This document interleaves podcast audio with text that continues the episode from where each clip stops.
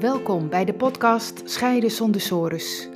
Ik ben Annewieke van der Boom en ik begeleid mensen die op het punt staan te scheiden en bang zijn voor een financieel drama, verlies van contact met je kinderen en eindeloze discussies met hun partner naar een nieuwe situatie waarin je meer quality time hebt met je kinderen, weer respectvol en ontspannen met je partner kunt communiceren en weer financiële duidelijkheid hebt. In deze podcast geef ik je informatie, tips en achtergronden die jou kunnen helpen goed door je scheiding heen te komen, met als resultaat weer plezier en energie om verder te gaan met je toekomst, voor jezelf en voor je kinderen. Dat is Scheiden zonder sores.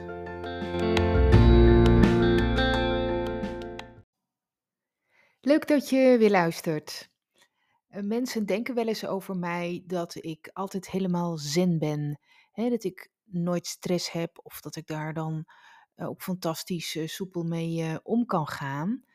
Ehm, dat is helaas niet zo. Nee, ik ben ook maar een mens. Vanmiddag, ehm, zo kwam ik er eigenlijk op, was ik bezig met mijn website.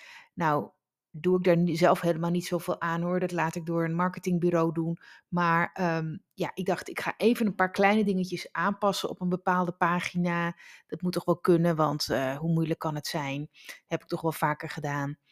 En ehm, ja, ik was ermee bezig en ik dacht, het ziet er wel wat anders uit.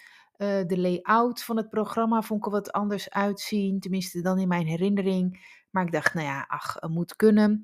Dus ehm, de eerste aanpassing, die lukte ook wel. Maar bij de tweede aanpassing versprong de tekst en het kopieerde in één keer, terwijl ik dat dus helemaal niet wilde. En eh, ik dacht, nou ja, dan zit er toch altijd zo'n pijltje dat je het weer kan herstellen. Nou, ik zag nergens dat pijltje. Nou, toen begon ik al een beetje onrustig te worden. Ik denk, dit kan niet waar zijn, hè? Die hele pagina gewoon in de soep. Ehm, nou ja, en dan ging wel een beetje erger. Ik denk, ja, kom op, eh, misschien op een andere manier of anders openen. eh, andere browser. Nou ja, ik aan het prutsen. Maar goed, ik kon het niet herstellen. Ehm, ja, het, sloeg ook in, eh, of- hij sloeg de aanpassingen ook ineens op. Terwijl, naar mijn idee, ik dus helemaal niet op de update-knop had gedrukt. Nou, oké. eh, waardeloos. Nou ja, ik zat me echt intussen behoorlijk eh, op te fokken. Ik kan het nog helemaal eh, terugvoelen. Oké, nou, na een uur prutsen dacht ik, ja, oké, Annewieke, dit is niet verstandig. Nee, dit, moet, dit is niet verstandig. Nou, ik mijn marketingbureau gebeld. En gelukkig waren ze er. was de goede persoon er ook. En nou, daar was ik al helemaal blij om. Ehm, en nou ja, ze gaven me een paar goede tips. En eh, ja, toen had ik ook wel weer de rust. En dacht ik, oké, wist ik hoe ik het moest doen. En eh, toen was ik daar ook wel weer heel blij mee. Hè. Dat is dan weer het grappige, dat als je als ehm, eh, iets simpels een hele tijd niet lukt en dan lukt het wel, dan ben je daar ook weer blij mee. Ja, goed, wat ik al zei, ik ben ook maar een mens. Het is alleen heel jammer van de tijd die het kost.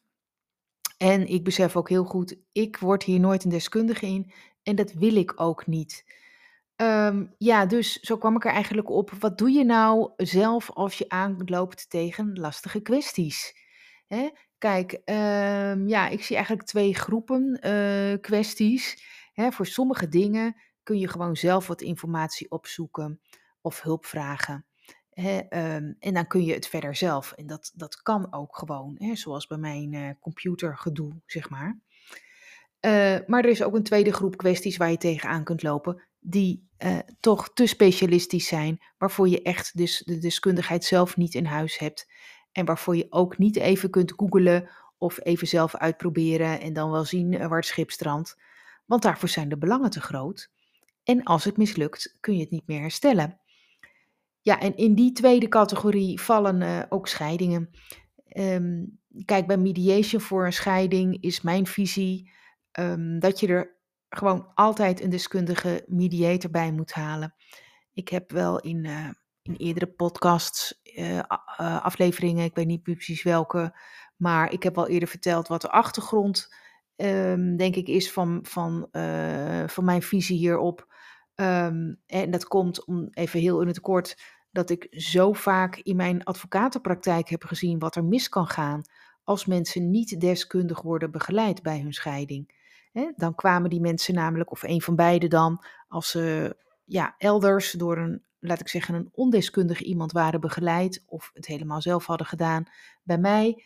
En dan vroegen ze mij als advocaat van, nou, is daar nog iets aan te doen? Want ja, dit is gewoon een vergissing geweest. Ik heb echt domme dingen gedaan. Ik heb te makkelijk ja gezegd. Ik, ik wist ook bepaalde dingen niet. En kunt u dat dan oplossen? En dan heb ik heel vaak nee moeten zeggen. Nee, omdat het juridisch niet haalbaar was om het uh, aan te vechten. Waar, je, het is niet zo dat je als er iets is misgegaan, je het altijd kunt aanvechten en dat altijd herstelbaar is. Dat is gewoon niet zo.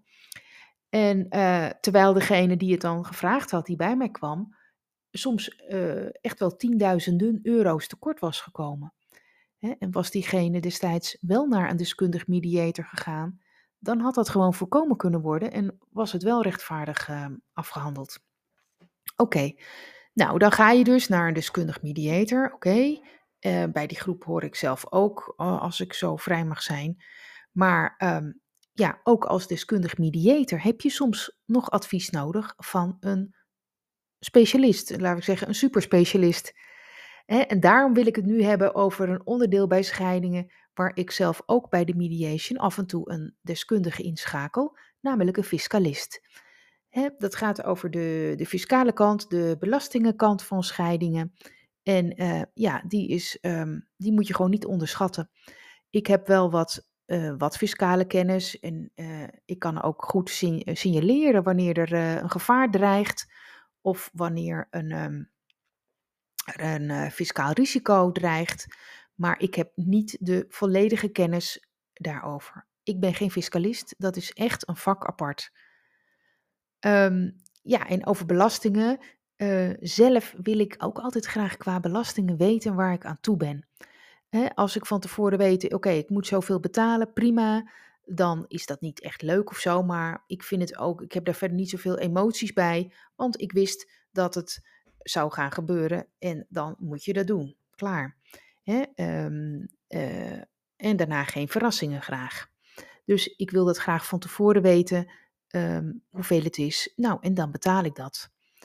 Um, ja, vandaar ook die titel. Hou jij van blauwe enveloppen in de bus? Ja, ik vind ze dus niet erg, want bij mij staan er geen verrassingen in. Maar ik zou niet blij zijn als er iets heel anders in staat dan verwacht. Ja, als je veel geld terugkrijgt, maar dat is meestal niet het geval. En um, ja, die duidelijkheid over de fiscale consequenties vind ik ook heel belangrijk bij scheidingen. Ik geef er even een voorbeeld van.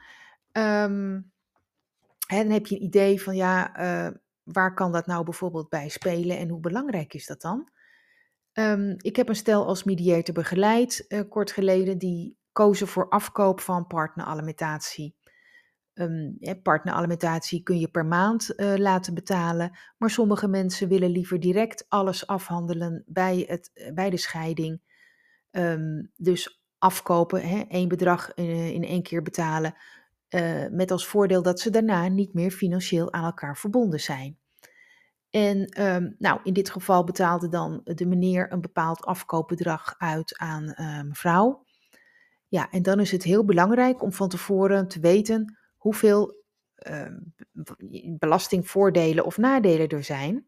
Hè, uh, vaak heb je in zo'n situatie dan een belastingvoordeel voor, voor meneer en um, een belastingnadeel of een belasting betalen voor uh, mevrouw. Maar ja, hoeveel dan? Hè, dat moet goed doorgerekend worden op de specifieke situatie van deze mensen. Want dat maakt het ook uit welke inkomen je daarnaast hebt in verband met uh, nou ja, allerlei percentages. En uh, het maakt ook uit dan in welk jaar het bedrag wordt uitbetaald. En uh, ook uh, speelt dan de vraag op welk moment moet dan de scheiding gestart worden. Moet dat nog dit jaar of misschien beter volgend jaar? Of wanneer moet het worden ingeschreven? Um, hangt ook weer af van de betreffende situatie van de mensen. En de aangiftes moeten op elkaar worden afgestemd. Over welke jaren dan en hoe. Um, en de vraag op welke manier moet ik dat dan als mediator allemaal uh, zorgvuldig en uh, compleet vermelden in het convenant. Ja, dat komt dan allemaal aan de orde als um, ik het advies van een fiscalist erbij vraag. En die kan daar heel goed antwoord op geven. Hè? Die kan dat ehm, gewoon heel, daar heel goed over adviseren. En waarom is dat dan zo belangrijk? Ja, om te voorkomen dat er bij een van beide of bij allebei, nadat de scheiding al lang is afgerond, een blauwe envelop met een vervelende inhoud in de bus valt. En dan kun je misschien zeggen, nou, dat kun je toch wel weer herstellen. Maak je bezwaar richting de Belastingdienst. Ja, dat kan soms ook wel, maar dat kost natuurlijk wel veel energie en ook geld. En dan moet het ook nog lukken. Hè? Um, is natuurlijk niet zo als je al bezwaar indient dat het altijd lukt. En hoe vervelend is het uh, emotioneel gezien dat, dat dan die hele scheiding weer boven komt. Hè? Dat wil je niet, dat wil je voorkomen. Eh, vandaar dat ik het uh, zo belangrijk vind om uh, al bij de mediation, als er aanleiding voor is, toch te investeren in goed fiscaal advies. Beter nu wat tijd erin steken dan over een paar jaar na de aanslagen. Nou, ik hoop dat je dit interessant vond, dat je er wat uh, aan hebt aan deze aflevering. Ik heb nog even één vraag aan je.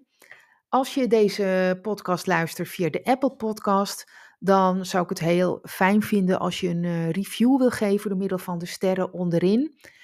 onderaan de beginpagina van de podcast, als je even naar beneden scrolt, dan zie je altijd de mogelijkheid om sterren te geven.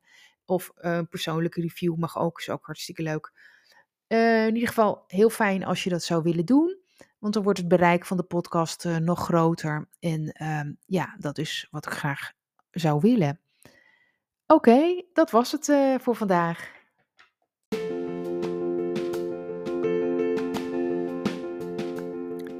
Leuk dat je hebt geluisterd naar deze aflevering. Ben je benieuwd naar meer? Abonneer je dan op deze podcast. Dat kun je doen door bij Apple Podcast op het plusteken rechtsboven te klikken en dan zie je volgen. Bij Spotify door linksboven op volgen te klikken. Wil je meer weten over mijn full service mediation? Bekijk dan mijn gratis video, waarvoor je je kunt aanmelden via mijn website annewiekebemiddeld.nl. Tot de volgende aflevering.